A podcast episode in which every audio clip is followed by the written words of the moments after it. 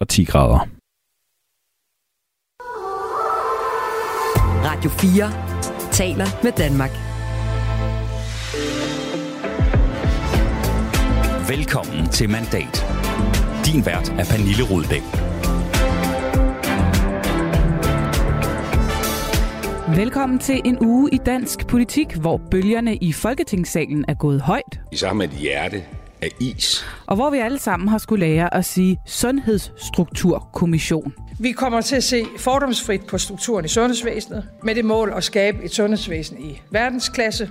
Ja, var det simpelthen et af regeringens helt store prestigeprojekter, som tirsdag blev fremlagt, eller bare endnu en kommission, der sparker slagsmålet om regionernes fremtid til hjørne. Det skal vi forbi, ligesom vi også skal se på endnu et brev fra en næsten samlet opposition. Det vi siger her er, kunne vi ikke starte forfra? Den her gang er det regeringens uddannelsesreform, der har forenet oppositionen fra den yderste venstrefløj til den yderste højrefløj. Og så skal vi også tale med SF's formand Pia Olsen Dyr, som i weekenden kan fejre solid fremgang i målingerne med sine medlemmer ved partiets landsmøde. Men hvor efterlader succesen som oppositionsparti regeringsstrømmene, og er hun klar til at springe til, hvis mulighederne skulle byde sig igen? Det er noget af det, jeg vil spørge hende om lidt senere. Velkommen til. Thomas Larsen, politisk redaktør her på kanalen. Øh, ny uge, nyt topmøde, fristes man næsten til at sige. I, øh, I sidste uge var det kommunerne. I dag er det så regionerne, der har trukket alle de politiske spidser til øh, Aarhus. Og så endda i en uge, hvor regeringen har præsenteret den længe ventede Sundhedsstrukturkommission. Hvad er det for et møde mellem regering og regioner, der er i gang i Aarhus, netop nu som vi sidder her og taler?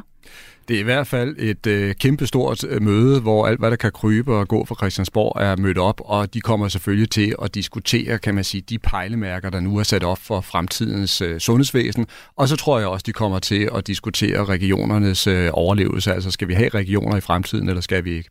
Så er det nogle øh, regioner på øh, som øh, øh, har forberedt sig godt til det her møde, hvor at øh, regeringstoppen øh, nu også tropper op? Nej, jeg tror snarere, jeg vil bruge det andet billedpanel. I virkeligheden, så tror jeg, at det er nogle øh, regioner, der er på vej ned i øh, skyttegravene og vil gøre alt, hvad de kan for at forsvare deres bastioner. Jeg tror slet ikke, de ser sig som øh, angriber. Tværtimod, så ser de sig som nogen, der bliver angrebet endnu en gang fra Christiansborg. Og i den her gang, der er det jo især altså Moderaternes formand, Lars Løkke Rasmussen, som i den grad er ude efter regionerne og godt kunne tænke sig et sygehusvæsen, som ikke bliver styret af regionerne. Og alt det, det vender vi tilbage til senere i udsendelsen. Øh, sms'en, den er som altid åben på 1424, så øh, skulle du sidde derude og lytte med og få lyst til at blande dig, ja, så smider du altså bare din besked afsted. Du lytter til Radio 4. Men øh, først så skal vi altså kigge på et andet parti, der lige nu i meningsmålingerne står til at være Danmarks andet største parti. Det består af to bogstaver, nemlig S og F, og øh, på lørdag starter landsmødet i netop SF i øh, Kolding. Thomas Larsen, er det noget, der er værd at holde øje med sådan et landsmøde for SF? Ja, det synes jeg i den grad, øh, der er. Øhm, man skal jo tænke på, at det her det er jo i virkeligheden første gang, at Pia Olsen Dyr sådan for alvor skal møde hele sit bagland og, og se medlemmerne i øjnene og også prøve at forklare dem, hvordan SF skal placere sig i et helt nyt politisk landskab, hvor der så også er kommet en øh, flertalsregering. Øh, og det er jo ikke nogen hemmelighed, at øh, Pia Olsen Dyr og SF faktisk drømte om at komme med i en ny regering, og jeg tror også, man kan sige, at SF var sjældent godt forberedt bestræbt på netop at kunne gå ind i en ny regering. Men så skete der jo altså det, at Mette Frederiksen kiggede den anden vej. Øh, hun kiggede til højre, og øh, SF valgte simpelthen at stå uden for den regeringskonstruktion, der blev, øh, der blev lavet. Det er måske nok en rigtig klog beslutning, som Pia Olsen Dyr træffede dengang, for hvis man ser på meningsmålinger, så er SF jo braget frem, og de står virkelig godt i øjeblikket og på vej til at blive altså et, et stadig større parti. Men det er jo også en position, der indebærer nogle dilemmaer, fordi hvordan skal de forholde sig sig til regeringen? Hvor meget skal de samarbejde med den? Hvor øh, ofte skal de gå i hård opposition til øh, regeringen? Altså det er nogle af de øh, svar, som hun skal prøve at give til baglandet. Og når du ser på den fremgang, som SF har haft i meningsmålingerne, så ligger de jo altså helt op på øh, ja, 12-14 procent nogle gange, altså det andet største parti. Hvordan forklarer vi den fremgang? Jamen, det er jo i virkeligheden også et dilemma for øh, SF, for jeg tror, at øh, Pia Olsen Dyr, hun vil være den første til at indrømme, at øh, det her, det er ikke kun fordi folk de strømmer til SF, det er også fordi de strømmer væk fra især Socialdemokratiet. Og noget der bliver hendes store opgave, kan man sige, i den kommende tid, det er jo at arbejde for, at, øh, at de vælgere, der kommer til SF, de gør det ikke kun fordi de vælger Socialdemokratiet fra, men faktisk fordi de aktivt skal vælge SF øh, til, øh, og på den måde også blive noget, som hun kan bygge en, øh, en fremtid på. Nu skal vi tale med Pia Olsen Dyr her lige om øh, lidt. Øh, Hvordan øh, ser du øh, det budskab, hun skal komme med til sine medlemmer her i weekenden? Hvad bliver det vigtigste for hende at få kommunikeret? Det kan vi jo spørge hende om lige om lidt, men, men hvis du var hende? Jamen det bliver lige præcis at forklare, hvordan øh, SF skal forsøge at navigere i det her nye politiske landskab, som, øh, som er vokset øh, frem, og især hvordan SF skal agere i forhold til regeringen, og måske også hvad det er for nogle krav, som SF vil stille til regeringen for, at der kan komme et, et, et fornuftigt samarbejde i, i Folketinget. Det tror jeg bliver nogle af de budskaber, hun vil komme med. Vi, øh, jeg tror nu får jeg en besked om, at Pia Olsen eller Dyr skulle være klar til at tale med os. Øh, velkommen i mandat, Pia Olsen Dyr. Tak skal du have. Meningsmålingerne, som vi netop uh, taler om, de er jo er simpelthen uh, braget ud af. I står lige nu til at være det andet største parti i Folketinget, større end noget borgerligt parti faktisk. Uh, er det det der med, at I ikke gik i regering, som faktisk har vist sig at være det bedste, der er sket for SF længe? Jeg tror, at det, at vi ikke lavede en øh, borgerlig økonomisk politik, og vi, vi sagde klar fra over for den, og derfor ikke gik i regeringen, at der er en del af det. Men jeg tror også, det handler om, at vi meget klart har vist, at der kan være et alternativ og en anden måde at gøre det på, end den her regering. Der er jo ingen uh, tvivl om, at du øh, før at vi fik den her nye SVM-regering, kørte et meget, meget tæt parløb med Mette Frederiksen. Øh, hvor er det parløb henne i dag? Jamen, jeg er jo ikke nærmeste sparringspartner længere. Det regner jeg med, Lars Lykke er, eller Trusund Poulsen er. Det er helt naturligt, øh, fordi det, vi lavede de sidste tre et halvt år, var jo reelt at sidde i regeringen med Socialdemokraterne, selvom vi ikke sad på ministerposterne. Så var det jo sammen SF og Socialdemokratiet, der lavede rigtig mange af de ting, der skete i de tre et halvt år. Blandt andet minimumsnummeringer, klimalov, børn ud af sjælsmark, mange af de der ting, som faktisk har været store politiske sejre for SF. Og nu er det jo anderledes. Hermed ikke sagt, at vi jo ikke snakker med regeringen, for det gør vi. Og vi snakker jo også om de forskellige forhandlingsforløb, der kommer, men der er nogle steder, hvor SF ikke kommer til at deltage. Stor Bidedag var et eksempel, hvor vi var helt imod at afskaffe. Lige så øh, omkring seniorpension er vi jo imod at afskaffe den, mm. en pension til de nedslidte i Danmark. Og det samme kommer vi også til at være på topskattelettelser, men der er jo mange andre ting, hvor vi kommer til at forhandle med regeringen. Så den relation, du fik opbygget gennem øh, hele sidste regeringsperiode, kan den ligesom genoptages igen? Øh, jeg tror, man skal skille her. Altså, der, der er nogle personlige relationer, de er der stadigvæk. Altså, øh, også mellem mig og Mette Frederiksen. Det er ikke sådan noget, jeg er ikke sådan typen, der skipper ting, fordi man ikke kan lave noget politisk sammen. Men det er jo rigtigt, den politiske nærhed, vores to partier har med hinanden, den er ikke øh, som tidligere. Det er jo ikke det samme, som den ikke kan være det efter et valg. Jeg er jo meget optaget af, at vi efter et øh, kommende folketingsvalg kan komme tilbage og snakke om centrum-venstre. Mest af alt, fordi jeg mener, det er den mest progressive politik, vi kan få i Danmark mm. på klimaområdet, på børneområdet, på velfærden, sundheden. Hvordan mener du egentlig, at øh, den her SVM-regering er kommet fra start? den er kommet skidt for, øh, for start. Øh, når man dykker så meget i målingerne som regering, så synes jeg, at danskerne sender det signal om, at man er kommet skidt fra start. Øh, og ikke mindst også, fordi jeg, jeg er jo faktisk uenig med den her regering. Altså en ting var, at, øh, at hvis man nu havde kløjs i den på grund af et eller andet, men det her det er jo en politisk uenighed, og det er danskerne også uenige i. Så er det øh, regeringen, der er kommet skidt fra start, eller er det jer, der har gjort det exceptionelt godt, som gør, at I nu står så godt i målændinger? Jeg tror, at det er, fordi regeringen er kommet exceptionelt skidt fra starten. Men jeg tror ikke, vi havde stået så godt i målingerne, hvis det så ikke også havde været, fordi vi de sidste tre et halvt år havde vist, at vi kunne lave politiske resultater.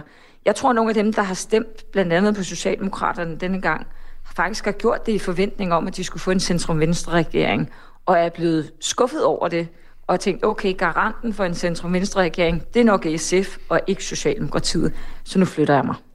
Du er jo øh, som leder af det største parti i oppositionen gået øh, langt af til din retorik. Du har så gar kaldt den nye regering for magtfuldkommen i hele den her sag om, om afskaffelsen af Stor Bededag.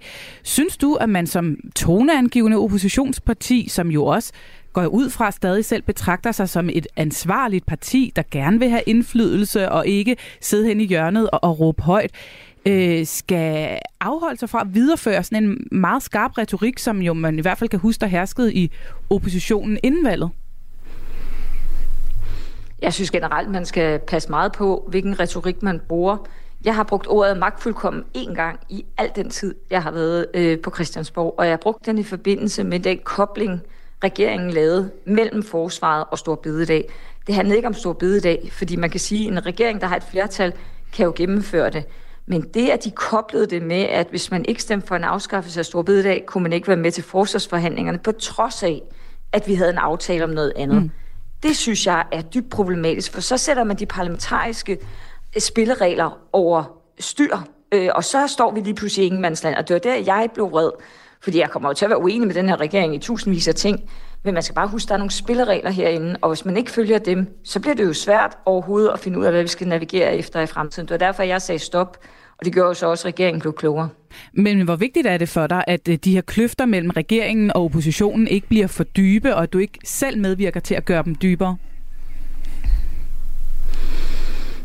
Jamen altså, jeg tror, vi jo alle sammen har et ansvar for, for dybe de er. Altså, det, er jo, det handler om politik, det her. Og, øh, og vi kommer til at være imod de steder, hvor de fører borgerlig økonomisk politik. Det tror jeg ikke overrasker nogen i regeringen. Jeg tror heller ikke, det overrasker nogen af danskerne. Betyder det så ikke, at vi ikke, øh, betyder det så, at vi ikke kan forhandle på andre områder? Nej, det gør det da ikke. Vi kommer til at være en del af forsvarsforhandlingerne, uddannelsesforhandlingerne. Vi forhandler finanslov lige nu. Øh, og det er jo fordi, vi mener, at vi jo ikke skal vente fire år med at få indflydelse i dansk politik at de stemmer, vi fik ved valget, selvfølgelig stadig skal levere nogle resultater, også selvom jeg grundlæggende er imod den regering, der sidder lige nu. Ja, du er grundlæggende imod, men du er også klar med en øh, udstrakt hånd, og vil gerne indgå aftaler og være med i øh, forskellige forlig. Og alligevel i går, så så vi igen en opposition øh, stå i samlet front med et brev i forhold til uddannelsesreformen. Øhm, er I lige nu en opposition, som søger samarbejdet frem for konfrontationen, mener du? Ej, jeg synes jo, altså, det er jo, det er jo fantastisk med den her regering, fordi vi har fået en regering hen over midten, men indimellem så har vi også en opposition hen over midten. Øh, og når vi lykkes med at stå sammen med alle partier, og det er jo ikke i særlig mange tilfælde, så handler det jo tit om proces og om at sætte en streg i sandet. Det er ikke det samme som, at nogen af os ikke vil forhandle. Det oplever jeg bestemt. Og det tror jeg også er regeringens oplevelse. Altså så konfrontatorisk er Christiansborg ikke. Men der er nogle gange, man er nødt til at sætte foden hårdt ned, for der er nogen, der hører det. Så I er stadig et parti, et stort oppositionsparti, det største, som frem for alt gerne vil søge indflydelse og samarbejde? Vi kommer både til at være konstruktive, når vi synes, det politisk giver mening, men vi kommer også til at være en opposition med kant, når vi mener, de gør noget, vi er grundlæggende uenige i, såsom at lave skattelettelser i en tid, hvor vores velfærdssamfund har det skidt, og hvor vi burde investere i sundhed. Lars Løkke Rasmussen han sagde øh, så sent som i weekenden, at det jo kun er regeringen selv, der kan vælte regeringen, og der ikke er noget, der, det er ikke noget, der kommer til at ske forløbig. Deler du den analyse, eller hvor stærk en regering mener du, vi har med øh, SVM? altså det er jo fakta, at regeringen har flertal lige nu, så der er jo ikke nogen andre, der kan vælte regeringen end regeringen selv. Jeg ved ikke, øh, hvordan det indre liv er i regeringen, og om de er øh, totalt fasttømrede, og der ikke er nogen, der falder fra. Det kan jeg ikke spå om. Hvis det sker, så må man jo sige, at regeringen har jo ikke mange ekstra mandater at give af. Og derfor øh, kan de jo komme til at stå med en udfordring i dag. Det gør de ikke lige nu, og jeg gider ikke spå om fremtiden. Jeg tænker mig at forholde mig til, at der er en flertalsregering. Prøv at få indflydelse på den. Og den dag, den ikke har flertal mere, så skal der ikke være nogen tvivl om, så kommer SF til at kæmpe for, at vi får noget, der er mere centruminstragtigt, end det vi ser lige nu. Hvis nu ikke regeringen skal vælte, så kan det jo ske, som du siger, det her med, at, at mandaterne kan smuldre, eller der bliver behov for, at den står mere stabil på en eller anden måde. Man skal til at invitere nogle flere partier indenfor i, øh, i regeringssamarbejdet. Hvis det øh, skulle ske, er SF så klar til igen at overveje at gå i regering i en bred konstellation hen over midten? Altså, øh, der var jo en grund til, at vi ikke øh, deltog i den her regering, det var et bevidst valg fra SF's side, fordi vi mente, det politiske kompas var skævt. Det var for blot. Øh, jeg husker stadig Jacob Ellemands interview på TV2, hvor han sidder og siger, at den her regering skal være mere blå end blå regeringer. Og det skal der love for, at den er på enkelte strækninger. Så hvis vi skal indgå en regering, så kræver det, at det politiske kompas bliver ændret. Og den diskussion tager vi så. Det kan jo være, at de alle sammen er blevet klogere undervejs og har lyst til at føre lidt mere SF-politik. Så tager vi den derfra. Så det kunne du sagtens overveje SF i en bred regering over midten? Ej, det afhænger af politikken. Det er det, jeg siger. Og det gjorde det sådan set også, da vi sad i forhandlingslokalet. SF har ikke sådan, at der er nogle partier, vi ikke samarbejder med. Vi har i mange år for eksempel samarbejdet med Dansk Folkeparti, når det gælder øh, arbejdsmarkedsforhold, når det gælder pension, dagpenge og andet. Øh, og det, for os er der ikke sådan nogen, hvor vi siger, at dem vil vi ikke lege med. Men pointen er, at det, vi skal jo selvfølgelig kunne stå på det politisk, som eventuelt en regering vil lave, og det må vi jo se. Det er jo ikke der, vi er lige nu, øh, den her regering vil vi ikke være en del af, og det er der en politisk grund til. Men må jeg følge op her, Pia Olsen Dyr? Øh, altså, vil du rent faktisk være klar til at overveje at træde ind i, i, øh, i en regering, sådan, hvis, det, hvis det bliver, bliver behov for at udvide den? Øh, så kan du godt se, at SF kan komme med måske i en anden bølge på et tidspunkt. Jamen, jeg, jeg vil hverken afvise eller øh, sige ja til noget, øh, fordi det afhænger af politikken for os. Vi sad ikke og sagde, at vi vil ikke forhandle, fordi det er Venstre, der sidder i lokalet. På nogle områder er vi jo faktisk meget enige med Venstre, når det gælder decentralisering, når det gælder om frisættelse af den offentlige sektor, så er der faktisk nogle historiske bånd mellem vores to partier. Jeg tror, at grund vi har haft meget indflydelse på os begge to, måske endda mere, end det har haft på Socialdemokraterne, så vi kan jo godt samarbejde. Men det afhænger jo af, om man fortsat skal give topskattelettelser, eller om man fortsat vil være efter de nedslidte på vores arbejdsmarked, for det kan vi ikke være med til. Så det er jo det politiske indhold. Hvis det, så skal det flytte, hvis SF skal indgå i det. Det var der jo ikke nogen interesse i, øh, da vi sad og forhandlede sidst, så det må afhænge meget af det. Så lige endnu et spørgsmål, Pia øh, som vi har talt om her øh, flere gange, så går det jo rigtig godt for SF i, øh, i meningsmålingerne, men øh, som du også, tror jeg selv, øh, mere eller mindre sagde direkte, så skyldes en del af fremgangen jo nok også, at der er en del vælgere, der øh, vælger Socialdemokratiet fra.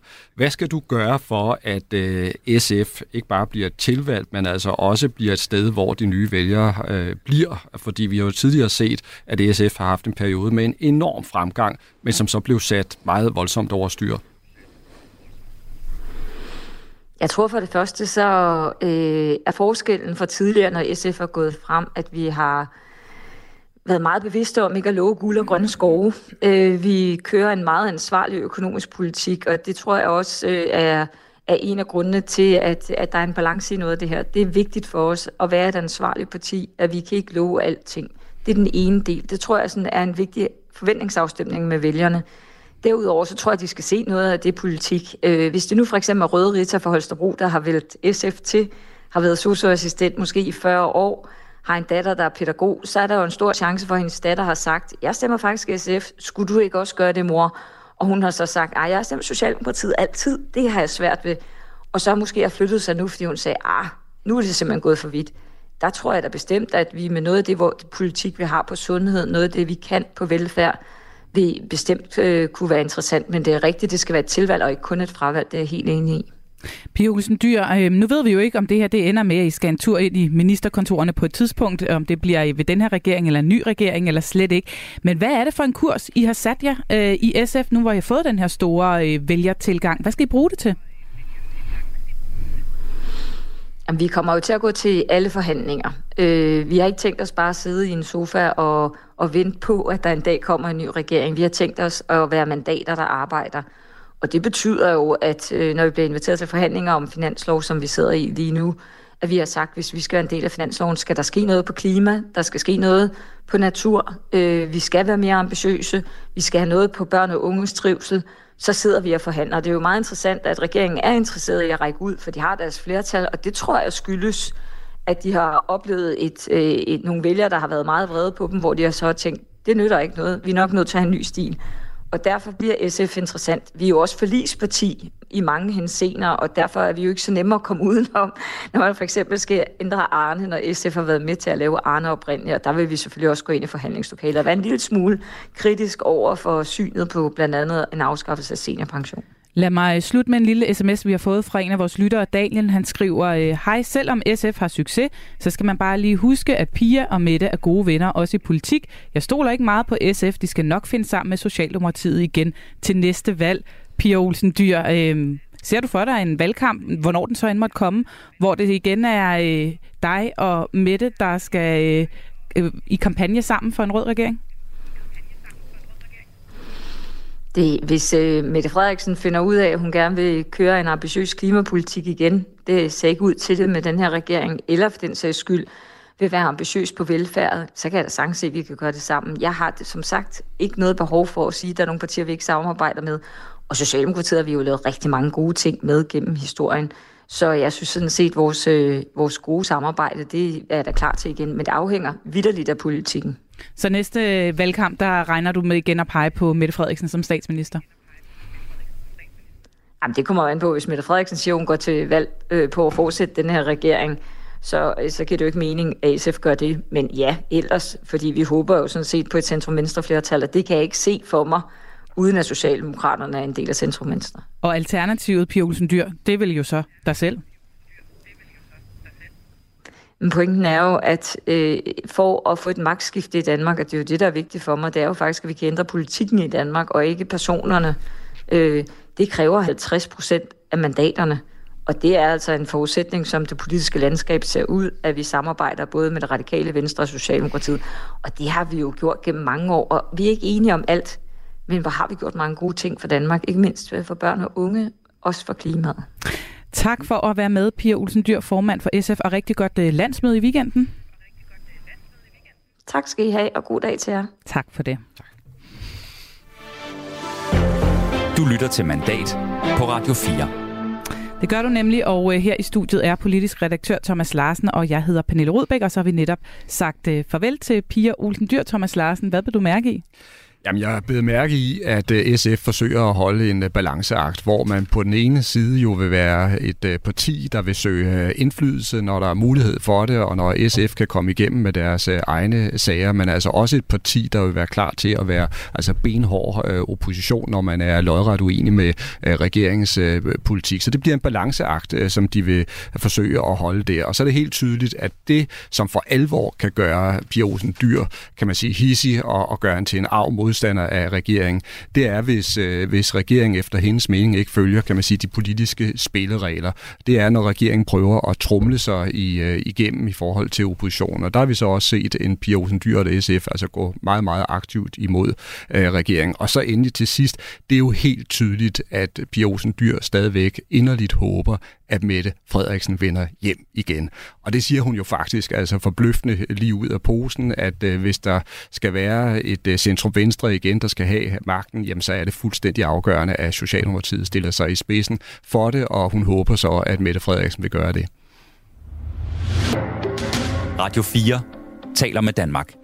Der er ikke noget, der kan forene eller en ellers splittet opposition som en upopulær idé fra regeringen, som de rigtig kan samles om at være imod. Og det er som om, at øh, oppositionen måske også har fundet en ny form at gøre det på, nemlig at gå sammen om et brev, og så på den her måde gøre fælles front. Først så var det fælles front mod bededag, og i går så var det så uddannelsesreformen, der havde samlet både det yderste venstre og det yderste højre, og så også ham på midten. Det vi siger her er, kunne vi ikke starte forfra? Og i stedet for at starte med, at alle skal hakke ja til at halvere eller skære et år af alle universitets, halvdelen universitetsuddannelser i Danmark, så lad os starte med en fælles brainstorm om, hvordan kan vi skaffe den finansiering på en anden måde, så vi kan investere i erhvervsuddannelserne, i pædagoguddannelsen og alt det, vi gerne vil. Der er jo mange dele af regeringens udspil, der er fine. Erhvervskandidater, øh, for eksempel, kan vi også godt lide. Men den der tissel, som alle er imod, universiteterne, økonomerne, aftagerne, erhvervslivet, kunne vi ikke tage den af bordet til en start og se, om vi kunne finde nogle andre løsninger. Det er budskabet her, fordi alle vil også gerne være med, så der er også noget konstruktivt i det her. Øh, det er bare der, vi har det. Altså, vi, vi kan ikke se os selv i det her.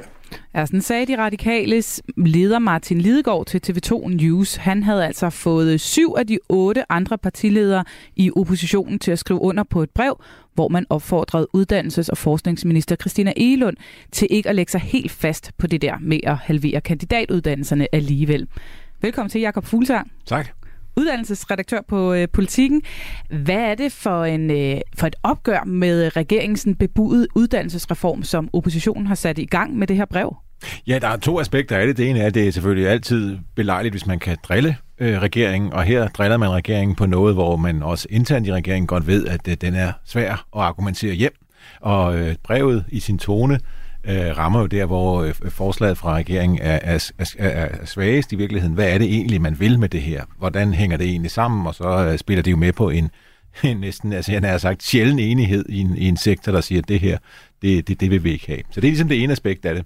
Jeg fortæller mig lige, altså en opposition fra øh, Nyborgerlige og Dansk Folkeparti på den ene side, og Enhedslisten Alternativet, og så radikalt, Altså, er det fordi, de har en eller anden fælles øh, uddannelsespolitisk øh, ståsted, som jeg ikke har fået øje på, eller hvordan er det, det hænger sammen det her? nej, nej, nej, det har de ikke, og der er øh, givetvis flere partier, der har sagt, vi, øh, vi går med på det her, fordi så kan vi drille og signere regeringen og gå ind i det. For radikale dog spiller det selvfølgelig en meget vigtig rolle, fordi radikale ja. meget gerne vil, vil gøre deres hoser grønne øh, hos både studerende og undervisere, men, men der er flere af de andre partier, hvor de vil sige, jamen altså havde det været noget andet, man havde fundet sammen om, så havde man også gerne gjort det.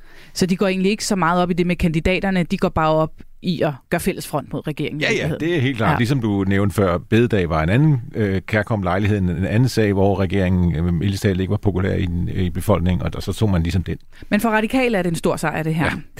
Man kunne jo så meget kort tid efter, at de var kommet med det her brev, øh, læse øh, på netop Politikens hjemmeside, din avis hjemmeside, at øh, uddannelsesminister Christina Elund var ude at sige, at det jo ikke er ultimativt det her med, at der skal skæres i kandidatuddannelserne. Hvorfor kom hun så hurtigt med den melding? Ja, det er nemlig det, er i virkeligheden jo mere interessant, end, end det, at oppositionen er enig. Det er, at ministeren nu åbner for det her. Og der er det interessant at jagtage det spil, der er internt i regeringen. Fordi det har været et forslag, som den nye minister jo, det blev formuleret før hun blev minister, det blev formuleret allerede under den tidligere socialdemokratiske regering. Ideen om, at man skulle øge arbejdsudbuddet med at og øh, forkorte kandidatuddannelserne. Så det har aldrig været en, en blomst, der er vokset i hendes have. Hun har bare lojalt forsvaret det. Det står i regeringsgrundlaget, det er en del af den, øh, det, hun er på. Så derfor så kan man sige, at hun går, i møde kommer det så hurtigt, fordi hun et eller andet sted leder efter, at nogen kan redde hende fra det. Så hun er faktisk glad for brevet? Ja, det tror jeg. Det vil jeg okay. sige. Altså, jeg, kan ikke, jeg har desværre ikke haft lejlighed til at snakke med hende selv om det, men, men, men hendes hurtige reaktion tyder på, at hun tænker, er der endelig nogen, der kan hjælpe mig ud af den her kattepine? Jeg sidder i en regering, der har i sit grundlag noget, der for mig bliver utrolig svært og upopulært at gennemføre. Men så var hun måske også glad for, øh, da hendes egen partifælle Rasmus Lund Nielsen, han var jo også ude sådan offentligt i, i Berlingske, tror jeg det var, det var det og sige og, og stå lidt tvivl om elementer i det her. Altså er hun glad for at få lidt modstand til sin egen reform? Ja, det her siger jo noget om, hvordan videregående uddannelser ikke altid får den opmærksomhed i en regering, som en uddannelsesredaktør måske kunne drømme om, og som de videregående uddannelser kunne drømme om, fordi det her det er jo et forslag, som i store træk ligner noget, Socialdemokratiet foreslog, dengang de var et etpartisregering. og jeg er lige ved at sige, havde det ikke gået som sådan, at vi har fået den her treparti, så kunne Moderaterne som godt have været en del af den her opposition, der samlet går ind og går imod regeringen, fordi du har to partier, der vil noget forskelligt på, på de lange videregående uddannelser. Socialdemokraterne har en tanke om, at øh, videregående uddannelser skal begrænses, og at, at der simpelthen er kommet for mange på universiteterne. Moderaterne står mere i det, man kunne kalde klassisk videnssamfund synspunkt. Uddannelse er godt, og så er det spørgsmål om, hvordan man, man skruer det sammen. Og der har man så fundet sammen, fundet et kompromis, et regeringsgrundlag, og den del af regeringsgrundlaget har der ikke været så meget fokus på under forhandlingerne. Derfor står man nu med noget, hvor partierne indbyrdes ikke er så enige, som det ser ud til. Så det, du siger, det er, at oppositionen med det her brev faktisk er med til at kunne trække øh, uddannelsesreformudspillet mere i en moderat retning ja. og, og lidt længere væk fra den socialdemokratiske retning. Ja, og den proces har man kunne se et stykke tid. På politikken skrev vi for noget siden om, at øh, Djøf-chefer sagde, øh, etårige kandidater var ikke noget, de havde lyst at Øh, det var en stor undersøgelse gennemført af, af fagforeningen Djøf. Øh, det var ikke noget, de havde lyst til. Så, og det blev, regeringen, det blev øh, ministeren en lille smule irriteret over, fordi hun sagde, at det er jo et helt nyt forslag. Så kom forslaget, og det blev øh, lanceret, som man måske kan huske, med ministeren og Tesfaye, der stod der med både Socialdemokrat og Moderaterne til stede. Og det forslag gjorde ministeren meget af at betone, at det havde fået nogle, nogle nye aspekter, blandt andet øh, flere internationale studerende, som man mærkesag for Moderaterne, og hun betonede også, at man som led i det her også kan forlænge nogle kandidatuddannelser. Så hun prøvede på at sige, at det her er et nyt forslag, men basalt set, set fra universiteternes side, var det fuldstændig det samme, altså en forkortelse af kandidaterne. Og det har, man kan sige, det, det hendes udfordring har hele tiden været, at hun har fået påduttet noget, hun ikke specielt bryder sig om. Men regeringen, nu siger du, der er en intern uenighed om, hvor det her det skal trække mest hen af. Uanset hvad, så har regeringen jo simpelthen selv peget på uddannelse som et af de tre vigtigste emner øh, for regeringen frem mod sommerferien, og ved siden af det, bare for at sætte det i perspektiv, sundhed og forsvar. Så det er altså helt op på den høje klinge her. Ja. Man er kommet med den her store uddannelsesreformudspil. Øh, første take på det. Der kommer øh, nogle flere øh, skud øh, fra regeringen på det. Er der ikke også grænser for, hvor meget den allerede nu kan begynde at bløde op og imødekomme krav for oppositionen i fortsat til rent faktisk også at levere på at lave en gennemgribende reform, hvor ingen er i tvivl om, at nu kommer SVM og for alvor forandrer uddannelsessystemet, gør noget radikalt nyt? Jo, det kan du have ret i, men omvendt er der jo en virkelig en stærk tradition for, at når det er store uddannelsesreformer, så skal der helst være flere partier end regeringspartierne bag. Så selvom regeringen her har et lille spinkelt flertal og kunne gennemføre det, hvis den ville, så vil den altså gerne have flere partier med. Og jeg tror altså ikke, at det er Støjbergs Danmarksdemokraterne, de håber på at få til at stemme for det. Så derfor er som jo ikke har skrevet under på Som er det brevet. eneste parti, ja. der ikke har skrevet under på, på, på brevet. Jeg tror ikke, det er dem, regeringen drømmer om at få, få, få med. Man vil meget gerne have nogle flere partier med, fordi vi vil jo helst ikke have, at hver eneste gang, der kommer en ny regering, så laver man totalt om på det, man har blevet besluttet før. På uddannelsesområdet er der faktisk en, en stærk tradition for, at det er bredere forlig. Så der er regeringen jo sårbar på det område. Men altså, så ved man jo også internt i regeringen, internt i folketingsgrupperne, er det ikke svært for mig til baggrund at snakke med, med medlemmer, også i Socialdemokratiet i øvrigt, som siger, at det her, det synes vi altså er en, en, en, en virkelig dårlig idé. Altså folketingsmedlem af Socialdemokratiet, som synes, at øh, som er utilfreds med uddannelsesreformen. Ja, som synes, at, at regeringsgrundlaget og, og udspillet er, øh, er noget skidt. Så, så ikke bare mellem partierne, men også internt i partigrupperne ja. er der uenighed om retningen her? Ja, det er der, og derfor så ved vi jo ikke, når der er et koordinationsudvalg, og det er en central ledet regering, så ved vi ikke, hvor de lander hen. Men jeg kan konstatere som uddannelsesredaktør, at der i hvert fald er bevægelse, og der i hvert fald er en minister, der siger, kan jeg på en eller anden måde komme ud af den kattepine, jeg har havnet i, kan jeg mødekomme det? Så kan fordi altså, selv regeringstoppen vil jo også sige, lad os da endelig prøve at få et eller to partier med for at få lavet bredt. Fordi det lykkedes jo sjovt nok for nylig Tommy Ahlers at få lavet forlig på videregående uddannelser, hvor du havde samtlige partier i Folketinget med. Det er ret, ret interessant og ret vildt. Og der, Så der er, regeringen op til der. der er regeringen et stykke fra det i forhold til det her i hvert fald. Thomas Larsen, hvad er der sådan helt overordnet på spil for regeringen i forhold til den her uddannelsesreform? Jamen altså, som I meget fint dissekerer, så står regeringen jo lidt i et øh, dilemma øh, her, fordi øh, på den ene side, så har den jo sit øh, flertal og er på papiret bumstærk og trumle det hele igennem, men, men som også Jakob Fuglsang siger, så er det jo ikke en ønskeposition for øh, regeringen at gøre det, og slet ikke på et så væsentligt område som uddannelsesområdet, hvor man netop gerne skulle have nogle pejlemærker, der kan stå i lang tid og have nogle aftaler, som øh, alle kan være sikre på øh, holder. Øh, derudover, så tror jeg heller ikke, man skal tage fejl af, at øh, øh, regeringen ægte blev dybt forskrækket over den storm af modstand, der rejser mod afskaffelsen af Stor Bededag som helligdag. Og der tror jeg, der er en erkendelse i regeringens top, at den slags forløb skal man ikke have for mange af. Og derfor så tror jeg, det er fuldstændig præcis analyse, som Jakob Fuglsang kommer med her, at det vi ser, det er i virkeligheden både en, øh, en, en minister, altså Christina Elund, og i virkeligheden også en regeringstop, der søger efter en landingsbane. Altså de vil gerne have øh, fundet en løsning sådan, så øh, de kan give lidt, men så til gengæld altså forhåbentlig også, set med deres øjne, få et bredt flertal til at, at, at støtte deres kommende reform.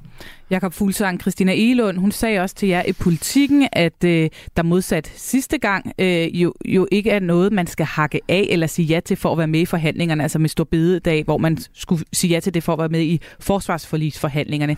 Og så siger hun, min tilgang til det her er belagt med åben sind og uden flær for drama. Kan hun køre et bredt forlig hjem med åben sind og uden drama, eller hvordan ser du det her ender? ja, det tror jeg faktisk godt, hun kan, fordi når der er den imødekommenhed, man ikke har hørt før, så, så, så er der noget, der tyder på det, at, øh, at, at, at, at det kan hun godt. Og vi hørte jo også øh, Martin Lidegaard fra De Radikale sige, jamen man går jo ind i det her, man vil også gerne være med til at finde penge til erhvervsuddannelserne, man vil også gerne være med til at gøre pædagog, øh, hvad hedder det, professionsuddannelserne bedre. Og hvis man nu kigger på den overordnede uddannelsesproblemstilling, vi har i Danmark nu, så overskygger problemet med at få lærere, sygeplejersker og pædagoger jo langt det, vi slås med på universitetsområdet. Så jeg tænker, at hun vil finde en øh, politisk base i at sige, lad os da prøve at tage fat på der, hvor det virkelig brænder på i vores uddannelsessektor. Og så ikke lade, tage kampe, som jo egentlig kommer af nogle tanker, der har gjort sig i en reformkommission, og som jo egentlig ikke grundlæggende set øh, er altså helt så meget på spil, som der er i forhold til velfærdsuddannelserne. Jeg tror, at regeringen vil elske at blive mål på at gøre noget godt for erhvervsuddannelserne, det er der ingen tvivl om, og gøre noget godt for professionsuddannelserne, sørge for, at der er flere, der søger øh, de her uddannelser, som der er så hårdt brug for. Og tror du så, at det bliver helt farvel til halvering af kandidaterne? Nej, det bliver det ikke. Det bliver ikke helt farvel, fordi der er meget på spil. Der er jo det der arbejdsudbud, som jo også bededagsdiskussionen handlede om, og der skal man jo levere noget på de videregående uddannelser. Men det, man kan sige, det er, at de videregående uddannelser under det her udsigt til det, at det er så upopulært, har sagt, lad os hellere få øget dimensionering, altså det der med, at man siger, at vi, vi, vi skærer i antallet af studiepladser. Det vil man faktisk hellere, og det er mildt ikke noget, man har været glad for tidligere, men det siger man hellere det, end at begynde at smadre en uddannelse, som vi i forvejen har etableret, og vi har fået til at fungere. Tusind tak for øh, besøget, Jakob Fuglsang, uddannelsesredaktør på Politikken. Du lytter til Radio 4. Der er et emne, som igen og igen og igen slår alle andre emner, når det kommer til vigtighed blandt vælgerne, nemlig sundhed. Og øh, i tirsdags, ja, der kom regeringen så med startskud på det, som statsministeren selv kalder for et prestigeprojekt for regeringen. Udfordringerne er mange. Vi løser dem ikke øh, fra den ene dag til den anden, men vi er meget, meget, meget opsat på at løfte øh, den her opgave. Vi betragter det faktisk som en af de allervigtigste for regeringen. Ja, sammen med udenrigsminister Lars Løkke Rasmussen og sundhedsminister Sofie Løde præsenterede regeringen endnu en kommission, nemlig Sundhedsstrukturkommissionen. Thomas Larsen, er den så vigtig for regeringen, som statsministeren siger her, eller er en kommission også en måde at skyde en masse intern uenighed på sundhedsområdet i regeringen til hjørne på? Ej, jeg vil øh, faktisk øh, våge den påstand, at øh, den her kommission bliver ekstremt vigtig, og den er nedsat, fordi den skal være drivkraft for en øh, storstilet øh, omkalfatring af det danske sundhedsvæsen, sådan så det bliver bedre i stand til at løfte, kan man sige, de mange udfordringer, der tegner sig i, øh, i fremtiden. Så det her, det er et ekstremt vigtigt øh, projekt for regeringen. Det skal også meget gerne øh, lykkes for regeringen. Nu har vi siddet og talt om, hvordan den står i problemer på mange andre øh, områder. Og det vi jo skal tænke på med sundhedsvæsenet, det er, at det er et område, som fylder sjældent meget i danskernes øh, bevidsthed. Og det er ikke bare en påstand fra min side, hvis vi skruer tiden tilbage til sidste øh, valgkamp, så kunne vi jo simpelthen se målinger, der viste, at, øh, at spørgsmålet om, om, om, om sundhed og hospitaler, det var faktisk det, der var allervigtigst for danskerne, når de skulle sætte deres kryds. Og det ved regeringstoppen selvfølgelig også godt, og derfor så, så ved de, at de skal skabe forbedringer på det her område, og de ikke har råd til at fejle med den reform, der nu er sat, kan man sige, de, de, de første Øh, øh, øh, øh, lavet de første spadestik til. Med til præsentationen var jo altså også måske lidt mærkeligt vores udenrigsminister Lars Løkke Rasmussen. Hvorfor stod der en udenrigsminister til den her præsentation? Ja, det var jo selvfølgelig ikke for at tale om, om udenrigspolitik, og der skal vi jo tænke på, at han er selvfølgelig også øh, formand for Moderaterne, og så er han jo især, kan man sige, en af de gamle chefarkitekter bag nogle af de reformer, der har ændret på sundhedsvæsenet. Han var øh, på mange måder fødselshjælperen for de øh, nye øh, supersygehuse, der er på vej, øh, og han har i årenes løb været ekstremt optaget af hele sundheds sundhedsområdet. Så det her det er et øh, felt, han øh, kommer til at engagere sig rigtig meget i. Ja, Lars Løkke Rasmussen, han er, som du siger, kendt for i mange år at have talt om sundhedsvæsenet, og også at ville afskaffe regionerne, og øh, på pressemødet i torsdag sagde han også sådan her. Det er jo helt oplagt, og det er måske også bare for at foregribe et enkelt spørgsmål eller to, at den her regering er født af tre partier, der kom ind i regeringen med, med hvert sit bud på, hvad er det så for en nyindretning, der skal finde sted af vores, af vores sundhedsvæsen. Men med det afsæt, der er vi jo nu enige om, at sætte en proces i gang, hvor vi øh, investerer øh, 12 måneder for at få øh, kloge mennesker til at give nogle fordomsfrie bud på, hvad skal der ske, hvis vi skal indrette vores sundhedsvæsen for fremtiden. Vi visker tavlen ren, vi tænker nyt, vi tænker forfra, og det kan jo i virkeligheden ende forskellige steder. Det ene sted, det ikke kan ende, det er, det kan ikke ende med status quo. Spørgsmålet er så, hvordan man tager det her ned. I regionerne sidder man og ryster lidt på hånden nu, når man har hørt den her melding. Regionernes formand, Socialdemokratiets Anders Kynov, han siger sådan her til os på kanalen om om, om, om hvorvidt meldingen skaber usikkerhed? Selvfølgelig er der altid en usikkerhed. Øh, vi er vant til den, vil jeg sige, fordi at øh, det her har været diskuteret i overvis, om man skulle nedlægge regionerne eller ej. Øh, der er endnu ikke nogen, der i alle de år, hvor det har været diskuteret, har kunne forklare mig eller nogen andre, hvad man egentlig vinder ved at nedlægge regionerne. Fordi problemet er jo ikke regionerne. Problemet er jo lige præcis i trekanten, altså i sektorsamspillet imellem sygehuse og praktiserende læger og kommuner. Og det ændrer ikke noget at, at fjerne øh, folkevalgte regionsråd, fordi at øh, det løser ingen problemer. Det er ikke der, problemet er. Så jeg synes, man skal fokusere på de steder, hvor vi har problemer, og finde rigtige løsninger på rigtige problemer.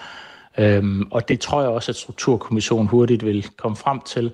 Men der er en interesse i øh, at vise handlekraft øh, fra nogen side i forhold til at sige, jamen så fjerner vi regionerne, fordi det er det, vi kan finde på, men det løser ingen problemer, og der er stadigvæk ikke nogen, der kan forklare, hvordan det skulle kunne løse nogle problemer. Nej, det løser ingen problemer, siger Anders Kynov, og øh, desuden så giver det slet ikke nogen mening, hvis man kigger på den økonomiske side af sagen, mener han. Jamen altså, jeg tror, man kan vel spare omkring en, en 70 millioner, hvis man fjerner regionsrådene. Det, er, det er den størrelsesorden, til sammenligning, der bruger vi jo et stort 60 milliardbeløb på sundhedsvæsenet i Danmark. Så det har ingen betydning i forhold til at spare penge. Øhm, det er et spørgsmål omkring, om man vil have et øh, folkestyre, hvor man har øh, politikere, der tager ansvaret for de ting, der foregår i sundhedsvæsenet, og vel at mærke politikere, der er tæt på borgerne, og som borgerne selv vælger ind, eller kan vælge ikke at vælge ved næste valg. Øhm, og, øh, og det løser ikke, som sagt ingenting at fjerne regionsrådene. Øh, og derfor så er det mest ærgerlige ved den her diskussion, det er sådan set, at hvis man bruger for meget krudt på det, så glemmer man at forholde sig til de rigtige problemer i sundhedsvæsenet. Ja, således altså Anders Kynov. Thomas Larsen, er det en regionrådsformand regionsrådsformand i offensiven, vi hører her? Ej, jeg synes snart, det er en øh, regions, øh, skal vi sige, ambassadør, der er presset i defensiven, ikke? fordi øh, som han også fuldstændig åbent erkender, så er der jo i gang med at blive skabt usikkerhed om øh, regionernes øh, fremtid i, øh, igen. Og det siger også sig selv, at regionerne kan jo udmærket læse den øh, opgavetekst, som den nye kommission har fået. Og der står jo, at kommissionen skal se på både fordele og ulemper ved, at det er regionerne, der driver vores øh, sygehus. Og det siger næsten sig selv, at hvis det nu var sådan, at der havde været fuldstændig tilfredshed med regionerne i det politiske system, ja, så havde man nok ikke givet kommissionen altså den øh, opgave til at kigge på regionerne nok engang. Så på den måde så er de ved at blive presset lidt i defensiven. Når det så er sagt, så mener jeg faktisk, at Kynov han har fat i en meget, meget væsentlig pointe. Fordi det er jo enormt nemt, også for Lars Løkke Rasmussen, at sige, at vi skal væk med de her regioner, som ingen rigtig holder af, og hvor det kan være svært, sådan også for mange danskere at se, hvad er det egentlig præcis, de, de laver. Men det gode spørgsmål, det er jo så, hvad skal der sættes i stedet for? Og det er ofte sådan i den her debat om regionerne, at man har meget fokus på, at de skal væk, men der er ikke kommet ret mange altså gennemarbejdede bud på, hvad skal der så træde i, i stedet. Og det bliver jo simpelthen opgaven for kommissionen også, hvis man begynder at pille ved regionerne. Jamen, hvad er det så for en ny struktur? Hvad er det for et nyt system, man øh, vil have? Og så er der en anden ting, som man øh, også ser bort fra efter min mening, og det er jo, når man laver de her grandiose øh, omlægninger, også administrativt, så er det faktisk noget, der koster enormt mange ressourcer, og som det tager mange år at køre ind. Det har i realiteten taget altså en lang årrække også at få regioner til at fungere, få hele det her system til at fungere. Hvis man bryder det ned, ja, så skal man til at bygge op igen. Lykke, han har jo altså som sagt øh, talt om det her med at nedlægge regionerne øh, af flere omgange, men hvis vi kigger på regeringen nu, så er der jo altså også trådt en ny spiller ind, nemlig øh, Stefanie Lose, som jo normalt sidder som regionsrådsformand øh, i øh, Syddanmark, og øh, som også tidligere har været i clinch med Lykke om lige præcis det her emne, når han har luftet de her øh, tanker og idéer. Nu sidder hun jo ikke i øh, Sundhedsministeriet, hun sidder øh, i øh, Økonomiministeriet, men kan det alligevel få betydning, at der sidder en stærk ambassadør for regionerne i regeringen nu, hvis den skulle komme frem til øh, Sundhedsstrukturkommissionen, at en model kunne være at afskaffe regionerne? Det kan måske godt rokke lidt ved de interne diskussioner, som øh, man kommer til at have i regeringstoppen, men altså ellers vil jeg sige sådan helt grundlæggende, at øh, det er jo i hvert fald helt sikkert, at der både i Socialdemokratiet og i Venstre er en anden tilgang til regionerne, end den, som øh, Lars Løkke Rasmussen og Moderaterne har. Altså både i, i Venstre og Socialdemokratiet, der er man generelt mere positiv over for regionerne, og man har også stadigvæk svært ved at se, hvad der skal være øh, alternativet.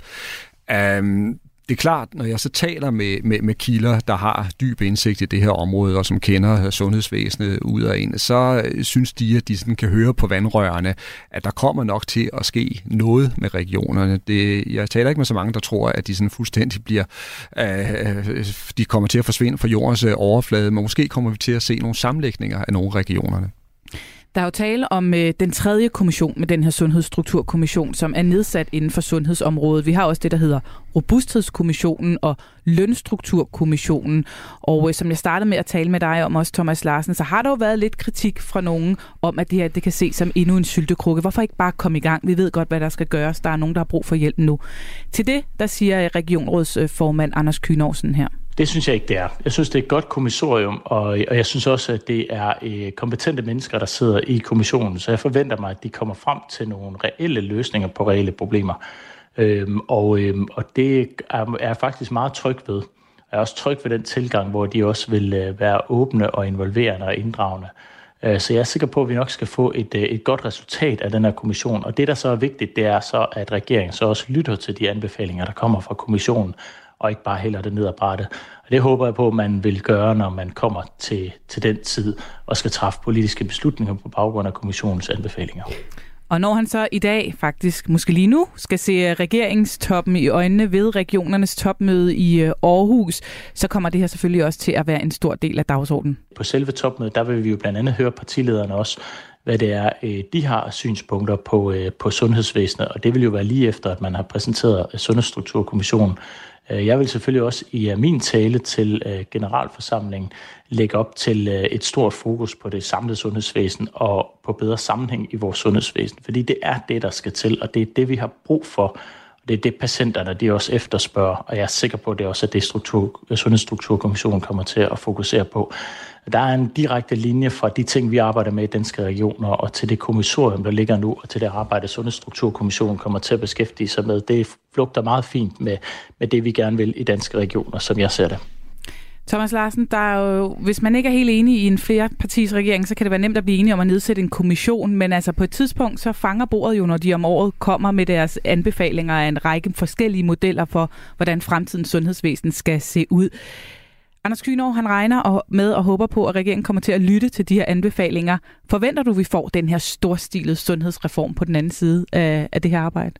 Det kan godt være, at jeg nærmest er hjerteskærende naiv nu, men øh, ja, det tror jeg. Jeg tror, at regeringen kommer til at lytte til den her øh, kommission, og det gør jeg, fordi der efterhånden har været taget så mange tilløb til at lave en, en reform af, af, af sundhedsvæsenet, at det vil være meget svært at rulle øh, det tilbage nu. Og så er der også en anden ting, som er endnu vigtigere, og det er, at øh, en række af udfordringerne i vores sundhedsvæsen, de er simpelthen så i øjnefaldene, de er så tydeligt, at øh, alle er enige om, at der skal ske noget nu. Man kan ikke bare øh, blive ved fordi så er der nogle ting, der kommer til at brænde øh, sammen simpelthen i sundhedsvæsenet, som vi, øh, vi kender det.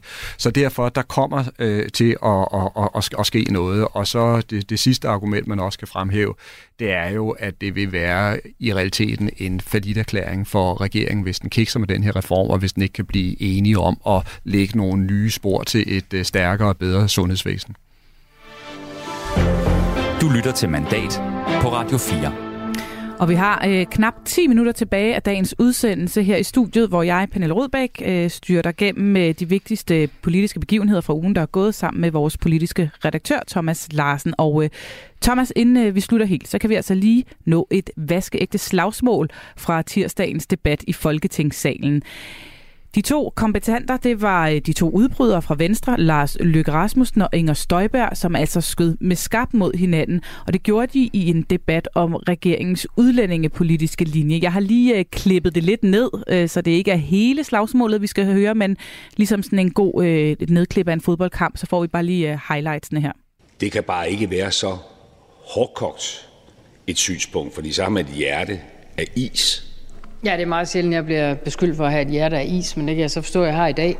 Det er en grundsten, som man rokker ved nu, og det betyder selvfølgelig også, at der bliver alt andet lige større grund til at forsøge at komme til Danmark i stedet for et andet land, fordi nu har man en slap udlændingepolitik igen. Jamen, det er jo at se verden i en meget sort-hvid prisme og sige, at det forhold, at man river nogle få tisler op af et øh, overplantet bed med udledningsstramninger, det gør altså slapt. Det ser vi forskelligt på. Der er jo, der er jo en grund til, for at sige det på dansk, at jeg ligesom fik nok. Ja, Thomas Larsen, det her det er altså en, øh, en udveksling, debat, som øh, mange har bemærket. Hvorfor? Ej, med god grund. Og Udover det er, den er underholdende, selvfølgelig. Ja, den er underholdende, men den handler jo også om, øh, om benhård politik, og den handler om øh, to forskellige syn på, på udlændingepolitikken, og også hvordan den skal køres. Og det er jo virkelig tankevækkende, at øh, de to jo tidligere sad i regering sammen, hvor er partifælder, og øh, jo i virkeligheden også lagde grunden for øh, nogle af de øh, største stramninger af udlændingepolitikken. Og nu kan man se, hvordan de i virkeligheden forfølger hver deres øh, kurs. Øh, Lars Løkke Rasmussen, han blev jo øh, træt, kan man sige, af de mange stramninger af, af udlændingepolitikken. Han mente, at mange af dem havde rent øh, symbolsk karakter og ikke virket.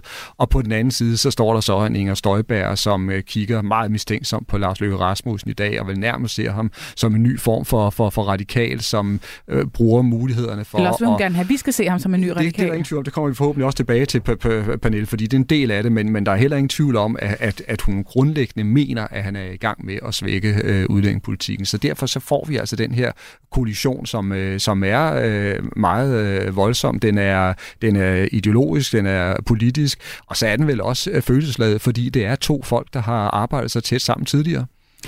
Lykke, øh, hvis vi lige skal kigge på det, som øh, det rent substantielt handlede om, det de debatterede i går, så handler det blandt andet om, at Lars Lykke Rasmussen mener, at det for eksempel er meningsløst at sende unge piger hjem, hvis de er i gang med at tage en uddannelse, som kan føre til job, hvor Danmark jo står og mangler hænder. Øh, og så er der også øh, et andet emne på udlændingområdet, som har øh, skabt kritik på, på højrefløjen, nemlig det her med, at Moderaterne som det eneste parti i regeringen ønsker at hjemtage mødre og børn, som sidder i lejre i Syrien. Lige præcis det, det var der øh, i går samråd om, og øh, her kom det altså frem, at øh, regeringen stadig ikke er helt afklaret øh, omkring det her. Moderaterne ønsker, at man skal tage dem hjem. Socialdemokratiet og Venstre står et andet sted.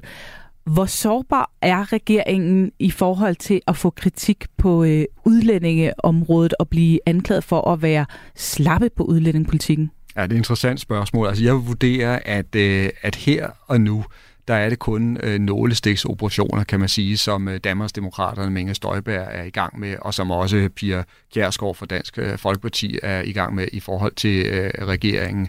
Øh, jeg tror grundlæggende, at det er lykkedes for øh, statsminister Mette Frederiksen hen over en årrække at placere Socialdemokratiet sted i udlændingepolitikken, sådan så mange vælgere altså stadigvæk har ret stor tillid til, at øh, Socialdemokratiet, og man kan sige dermed også regeringen, øh, vil føre en, øh, en, en stram øh, udlændingepolitik.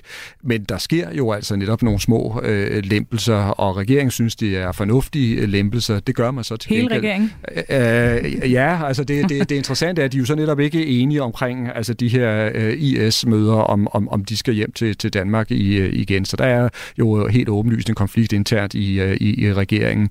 Men det, der egentlig er min pointe, det er, at de her nålestik, jeg tror ikke, de, de sætter sig endnu, men altså hvis, hvis de, de bliver mange nok, at de kommer tit nok, øh, og de kommer hen over en, en, en længere øh, periode, så tror jeg altså rent faktisk godt, det kan begynde at gøre indtryk på regeringen og også øh, svække regeringen. Og derfor så tror jeg også, at øh, Inger Støjberg og Pia Kjærsgaard, altså både øh, Danmarksdemokraterne og, og Dansk Folkeparti, de i virkeligheden har sat gang i sådan en, en langsigtet aktion, hvor de vil begynde at udfordre regeringen systematisk på det her øh, område, og dermed også prøve at og skal vi sige, slå skår i øh, regeringens øh, fortælling om, at den holder øh, øh, fører en meget stram udlændingepolitik.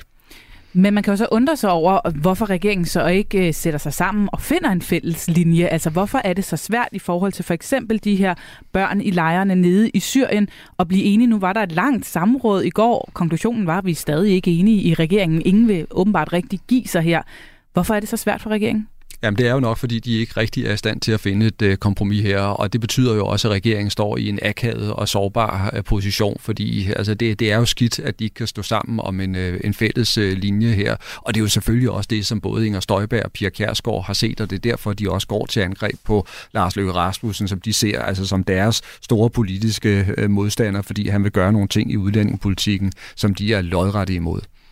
Og så spurgte jeg dig om øh, det her til at starte med i, i forhold til, om øh, de faktisk prøver at fremstille Lars Løkke Rasmussen som den nye radikale her. Er det en sårbar position for Mette Frederiksen at, at blive beskyldt for at være i regering med nogen, som lidt er radikale i deres udlændingepolitik? Ja, det kan det gå hen og blive, og man skal også lige huske på, at en af grundene til, at Mette Frederiksen og Socialdemokratiet faktisk ikke vil øh, i regering med, med det radikale venstre, altså i, i sidste øh, regeringsperiode, det var jo lige præcis, fordi Socialdemokratiet ønskede at stå som bannerfører for en, en stram og konsekvent og hård øh, udlændingepolitik, og der frygtede de simpelthen, at hvis øh, de radikale skulle med ind i en regering, så ville de ikke være i stand til at kunne forsvare den øh, position. Nu har de fået lykke ind, han er et andet sted end de radikale, men det er jo så helt tydeligt, at Inger Støjberg og Pia Kjærsgaard, de gerne vil fremstille ham som en ny radikal.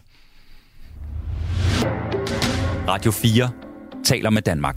Og med det, så når vi altså ikke meget mere mandat for i dag. Påsken venter forud. Thomas Larsen ligger dansk politik sådan egentlig i påskeferie dvale, eller er der noget at holde øje med den kommende uge? Jamen, det bliver jo spændende, især også selvfølgelig weekendens øh, landsmøde, som vi var inde på, altså i SF. Og så er der jo også øh, finanslovsforhandlinger, og så er det rigtig spændende også at se, hvordan hele det her slagsmål om uddannelsespolitikken kommer til at forløbe. Så der skulle være nok at holde øje med også øh, til at holde dampen op i påskeferien. Og når vi er tilbage igen næste uge, så er det med en øh, særlig påskeudgave, hvor min kollega Stine Lynghardt sammen med dig, Thomas Larsen, og også øh, to andre politiske nørder vil gøre regnebrættet for regeringens ministre op her efter ja, de godt første de 100 første dage, sådan godt og vel, som det er nu. Og øh, det kan du altså godt Og så ser vi oven i købet frem til de næste 100 dage. Og så ser jeg også fremad mod de næste 100 dage. Det vil jeg i hvert fald glæde mig til at lytte til. Jeg er selv tilbage på kanalen her igen på tirsdag med øh, eksperimentet på midten. Tusind tak for i dag, og øh, også tak til dagens gæster, Pia Olsen Dyr og øh, Jakob Fuglsang. Fik du ikke lyttet med fra starten, så er det bare ind og find det hele som podcast i Radio 4's app. Vi lyttes ved. I hvilken retning skal det liberale Danmark i en tid med en regering over midten? Overtog du en rodebutik fra Pernille Vermund? Ja, det gjorde jeg. I det blå hjørne på Radio 4 får du hver uge nyt fra de interne kampe i den borgerlige blok. Lars Bøge Mathisen, er det her et kub af dig? Det, det kan man godt kalde det. Ugens hovedpersoner er med, når vi diskuterer alle nuancer af blå. Jon Steffensen, er det dig, man kan høre for falsk en underskrift i den her lydfil? Ja, det er mig, man hører, men det har ikke noget med en underskrift at gøre. Lyt til det blå hjørne i morgen kl. 11.05. Radio 4 taler med Danmark.